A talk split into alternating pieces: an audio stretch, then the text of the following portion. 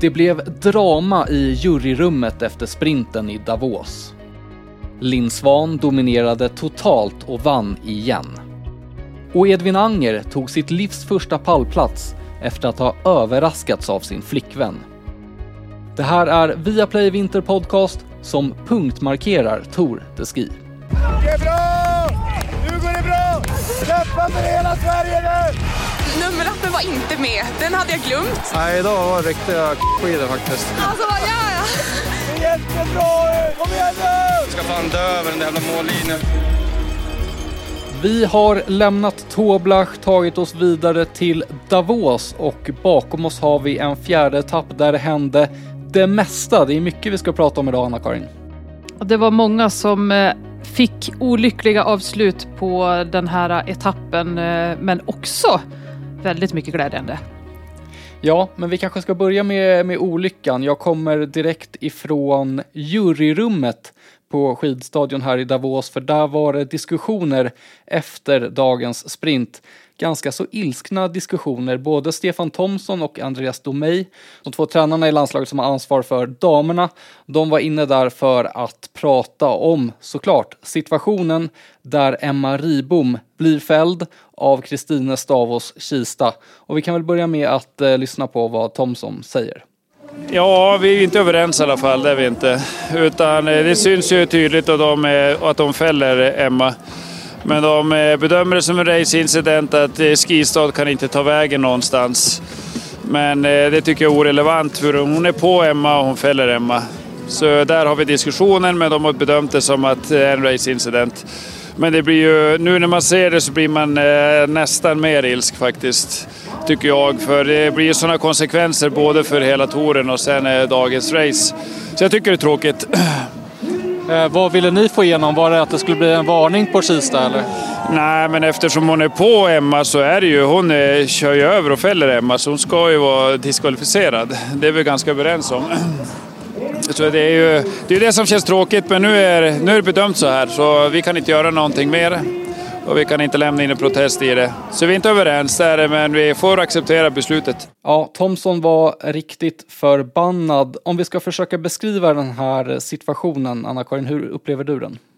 Det är ju som vanligt här i Davos tätt och tajt i den sista kurvan och eh, positionen är extremt viktig och då kommer ju Emma Ribom lite före Kista. Kista försöker ju såklart att eh, gå om Ribom och liksom välja en egen väg. Och när hon gör det så kör hon ju över Emma Riboms skidor vilket eh, resulterar i att eh, Emma ramlar. Och eh, det här är ju speciellt för man får ju, det här får man ju inte göra om man kommer, alltså typ som att man stänger någon. Men nu kan man ju säga att hon stänger Emma bakifrån och då finns det ju ingen regel som säger att det här är fel utan då blir det en race incident. Men Emma är ju helt chanslös. Ja, så som jag upplever det så Emma ser ju inte alls vad som händer bakom henne och plötsligt så är det någon som kör över hennes skidor så, så att hon ramlar. Och eh, de gånger jag varit inne och pratat med juryn i olika ärenden, då brukar det vara så. Man tittar på vad är det som händer här? Hur pass stora är konsekvenserna? Och det är väldigt stora konsekvenser. Och sen så tittar man på vem var det som orsakade det här? Och jag ser inget annat svar än att det är Kista som orsakade. Och hade hon kunnat undvika situationen? Det tänker jag också att hon borde ha kunnat. I min värld så borde det här ha landat i någon sorts bestraffning för Kista. I den här situationen så går det väldigt fort och man är på väg mot ett upplopp och då ska man också då försöka ta det här beslutet att oh, nej, jag kan inte köra här. Jag måste svänga ut mer till vänster för att undgå en, att det blir en incident. Och i, där kan det vara svårt att liksom hinna tänka. Men absolut, du har rätt Ludde. Det är, hon kan vika ut till vänster för att försöka undgå den här situationen. Och det tycker jag att man ofta ser, kanske mer då i kvartsfinaler, semifinaler där eh, åkare i kurvor tar lite längre ja, ytterkurvor då, för att det inte ska bli så här. Det här var ju i semifinalen som det hände. Kista, hon gick vidare till final och där slutade hon tvåa bakom Linn Svan. Vi ska återkomma till det. Eh, Kista själv fick ju såklart många frågor om det här efteråt eh, och hon svarade att eh, hon upplever inte att hon att det var någon vidare kontakt. Kanske att hon var på Riboms stav lite grann. Men på bilderna ser man ju att det är skidorna hon kör över. Eh, hon säger också att hon upplever inte att det var hennes fel. Men då hade hon ännu inte sett eh, tv-bilderna så hon la in en liten brasklapp där. Eh, Emma Ribom var väldigt ledsen. Hon grät i den mixade zonen efteråt. Och hon tyckte att, det, att hon blev totalt överkörd bakifrån. Och hon hade ju svårt att eh, förstå hur juryn inte kunde bestraffa Kista. Nej, men nu har det varit, det var egentligen två sådana här incidenter idag. Det var ju, var ju både Emma och det var Harald Östberg, men sen lite liknande situation. Och eh, jag tänker ändå att det här gör att eh, juryn behöver se över de här reglerna och se om man kanske kan ändra någonting på det här. För att eh, Emma har inte en chans eh, och eh, det är ju inte rätt då att den som orsakar det här inte ska bestraffas på något sätt. Så landar du i att eh, juryn gjorde rätt eller fel? Ja, juryn gör ju rätt utifrån eh, det regelverket som finns just nu. Men eh, de gör ju fel med tanke på att det är Kista som orsakar att Emma ramlar. Och detaljen då som gör att det här inte är mot reglerna är att hon är bakom Ribom. Hade hon varit framför och kört in över skidorna då hade hon blivit bestraffad menar du? Ja, exakt. Ja, konstigt. Man borde inte få fälla folk eh, bakifrån tycker jag. Men eh, det är vad det är. Eh, Kista fick eh, andra platsen men nu eh, pratar vi vidare om hon som vann det här loppet. Linn Svan är på väg mot Tour de Ski sprintseger igen. Det kommer bli den fjärde av fyra möjliga om du bara står på benen i den här kurvan och det gör hon. Ja då, Linn Svan hon är så otroligt bra just nu. Fantastiskt kul att se. Linn Svan mot sin elfte världscupseger. Stavås-Kista kommer att bli tvåa och Diggins kommer att bli trea. Men ingen, ingen, ingen är i närheten av Linn Svan. Ja, det var inget snack. Linn Svan var totalt överlägsen i Davos. Ingen kunde hota henne. Det var aldrig ens spännande. Och jag kände mest att det här var ganska väntat. Du fick ju träffa henne dagen innan och känna på vilken, eh, vilka känslor hon hade. Och sen lämnade du också en rapport alldeles innan start där du beskrev hur fokuserad hon var. Och det är ju Linn Svan liksom i ett nötskal tänkte jag säga. Men eh, hon, eh, hon är ju så här eh, och när hon presterar som bäst då är hon fokuserad, hon åker extremt bra tekniskt, det ser lugnt ut när hon åker och det går, det ser inte ut som det går fort, men det går extremt fort. Och hon var liksom, ah, det, det var verkligen ingenting som kunde hota henne idag. Det var väldigt imponerande. Hon sa det i intervjun som jag gjorde dagen innan att, eh, för hon vann ju den första sprinten i Toblach och hon sa då behövde jag inte ens spela ut mitt starkaste kort som är eh, tvåans växel uppför backarna och eh, den här backen som finns i Davos, hon sa den är ju som skapt för det här. Och mm. eh, den som minns sprinten i Davos 2019 kommer säkert ihåg hur det såg ut uppför då där. Det var där som Linn avgjorde och det var ju samma sak idag. Hon bara flyger upp för den där backen på tvåans växel och ingen kunde svara. Nej, och normalt sett så är ju till exempel en sån som Fendrich extremt stark uppför den här backen och hon bara parkerar henne och alla andra där. Och ja, sen har hon, är hon ju stark på de platta partierna. Hon eh, får ju enorm träff över skidorna och eh, ja, det är inget som är fel överhuvudtaget i hennes upplägg under den här dagen utan hon gör allting rätt. Ja, vi kan väl redovisa lite mer hur det gick i damernas sprint. Linn vann alltså före Kristine Stavos Kista och det var Jessie Diggins som var trea. Vi noterar att Maja Dahlqvist var fyra. Hon börjar vakna till liv nu, eller hur? Ja, det är en eh, helt annan Maja mot vad vi har sett tidigare under den här säsongen. Så det är jättekul. Johanna Hagström var också framme i final. Hon slutade femma. Ribom försvann alltså i semifinalen. Och sen var det ju en rejäl skräll att Jonna Sundling försvann i kvartsfinalen efter att ha varit helt överlägsen i kvalet. Nej, hon eh, orkade inte på slutet där hon brukar vara stark. Så krafterna fanns tyvärr inte hos henne idag. Men du, vem är världens bästa sprinter just nu? ja, vinner man två sprintar i rad och alla de bästa är med så är det ju faktiskt Lindsvan. Det måste vi ju säga. Eller det säger jag. ja, jag är beredd att hålla med. Och slänger vi ett öga på totalen så är det ju fortsatt eh, Jessie Diggins som leder. Hon är 33 sekunder före tvåan Lindsvan och Jonas Jonna Sundling behåller trots uttåget i kvartsfinalen sin tredje plats. Men där börjar eh, differenserna växa. Jonna är en minut och 22 sekunder bakom. Och sen är Ribom fyra. Hon är en minut och 27 sekunder bakom. Så får jag kolla ner lite i listan för att hitta Frida Karlsson som är sjua efter att ha åkt ut i kvartsfinalen idag. Och hon är en minut och 42 sekunder bakom. Stå på benen nu, stå på benen nu Edvin Anger. Så kan du vara på väg mot din första pallplats i karriären och det kommer det bli. Kolla, kan han hålla undan här också för Pellegrino?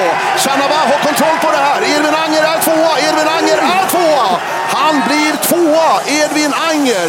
Och sicken härlig sprint och vilken glädje från Edvin Angers sida.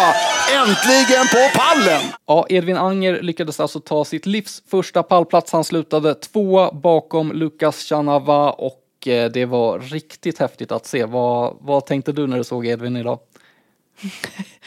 Ja, det, var så, det var så kul det här för att jag innan start så är jag ju alltid ute bland eh, ledare och eh, ja, alla möjliga för att samla in lite information. Och det var många som var, pratade mycket om Edvin. Det var många som sa att äh, men idag, alltså om det är liksom idag det gäller. Han måste få till den här dagen för att få ett bra självförtroende.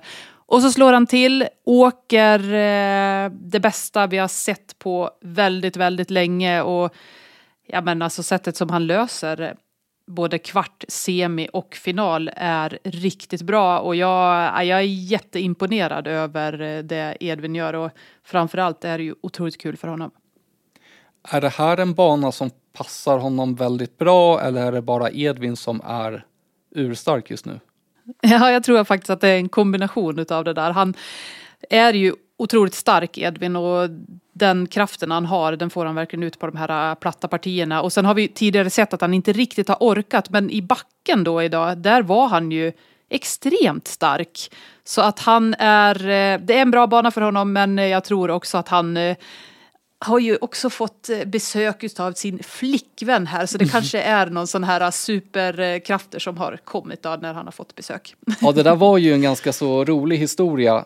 Edvins eh, flickvän Emma Axelsson hade ju grundlurat honom eh, och åkt ner hit utan att berätta någonting och eh, valsade in där på hotellet igår och filmade allt det här. Och Edvin han det såg verkligen ut som att han hade sett ett spöke. alltså han kunde knappt stå upp, han blev så chockad. det var jättekul det där att se. Häftig grej att göra ändå och jag är ganska övertygad om att Edvin uppskattade det där väldigt mycket. Dels från henne då, och, men även resten av familjen som blev med. hon hade ju fått eh, anstränga sig lite också för att inte bli avslöjad. På Snapchat så kan man ju se var man befinner sig någonstans. Så hon hade sagt till Edvin att hennes telefon hade gått sönder och så hade hon fått eh, ta bort eh, Snapchat-appen så att han inte skulle kunna, kunna se någonting. Och sen hade hon fått smsa ifrån Edvins eh, pappas telefon när hon skulle ha kontakt med honom.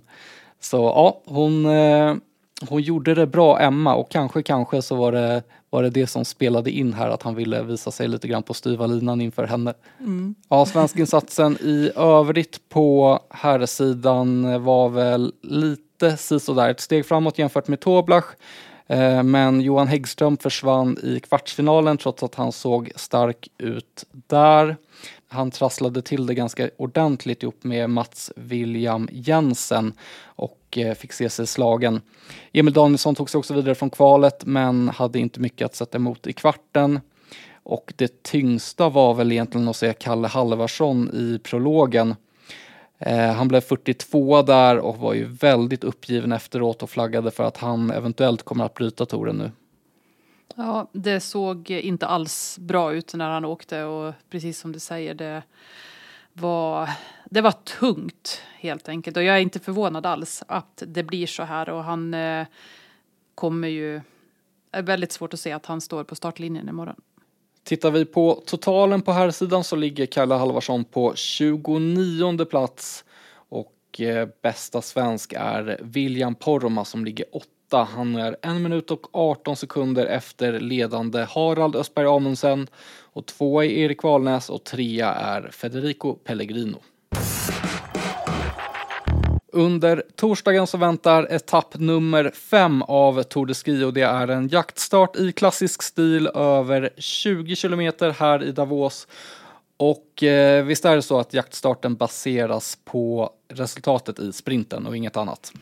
Nej, precis. Eh, det är eh, prologtiderna minus bonussekunder, vilket gör att Linn Svan går ut först 15 sekunder före Jesse Diggins och Maja Dahlqvist trea, 16 sekunder efter och sen fyller det på där. Så att det blir en, eh, kommer att vara ganska tajt. Den som startar sist är Sofia Låkli och hon startar 1.22 efter. Så att jag förväntar att det kommer att vara ganska stora klungor imorgon. Men eh, det blir spännande för att det är en eh, bana, en ny bana. Man åker in i Dishma-dalgången där det är ett långt flackt parti, mycket stakning och så är det en enorm backe på slutet som man åker två varv här. Och det kommer att bli väldigt spännande hur åkarna väljer att lägga upp strategin kring eh, hur mycket vallar man ska ha under skidorna och hur mycket man ska gå på att kunna ha bra glid eh, under skidorna när det kommer till stakåkningen. Så att eh, det kommer att bli väldigt kul imorgon.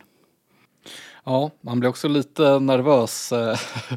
Det gäller att Valla-teamet levererar om det ska gå bra för, för svenskarna i det här loppet. Men eh, är det någon speciell svensk åkare som du är extra spänd på att se? Alltså, jag är ju faktiskt mest spänd på att se hur Linn Svan tar sig an det här. Hon är stark i stakningen, hon har spurt och formen är riktigt bra. Så framförallt så är det Linn. Och sen så kommer det ju också visa sig lite grann imorgon vilken form Frida Karlsson är i. Hon startar lite över en minut efter och har, har ett jobb då för att eh, ta sig upp mot eh, täten imorgon. Men nu när vi är fyra etapper in, vem skulle du säga är Sveriges bästa chans, eller så här, vem skulle du säga är det största svenska hoppet om vi ska prata om en totalseger eller i alla fall komma upp på pallen i totalen? Är det Linn? Ja men, ja men från början så var det ju mest snack om Frida och Ebba. Nu är ju inte Ebba med längre. Frida, frågetecken kring just efter dagens sprint. Så ja, skulle absolut säga Linn de här två etapperna, även om det inte är sprint, så passar de henne bra. Däremot så är väl kanske sista backen, där är hon ju inte en... Där är hon ju inte kanske den absolut snabbaste, men eh, jag tror på Linn Svan. Hon har kört eh, monsterbacken en gång, Linn. Då blev hon 32 och var 3 minuter och 22 sekunder efter Ebba Andersson. Det här var då 2021 när Ebba var snabbast av alla uppför. Så eh, då passade den inte henne jättebra i alla fall. Nej, men eh, det är ganska mycket tvåhandsväxel på äh, sista backen och det är ju där hon just nu är väldigt stark. Ja, men en jaktstart i klassisk eh, teknik borde i alla fall passa Linn Svan. Det blir spännande att följa henne där. Vi börjar sända klockan 10.15 i Viaplay och Eh, TV6. Men du Ludde, nu känns det som att eh, vi har haft en lång dag och eh, jag har lust att börja ladda upp lite grann inför morgondagen. Ja, verkligen. Nu tar vi några timmars sömn och sen så kastar vi oss på etapp nummer fem.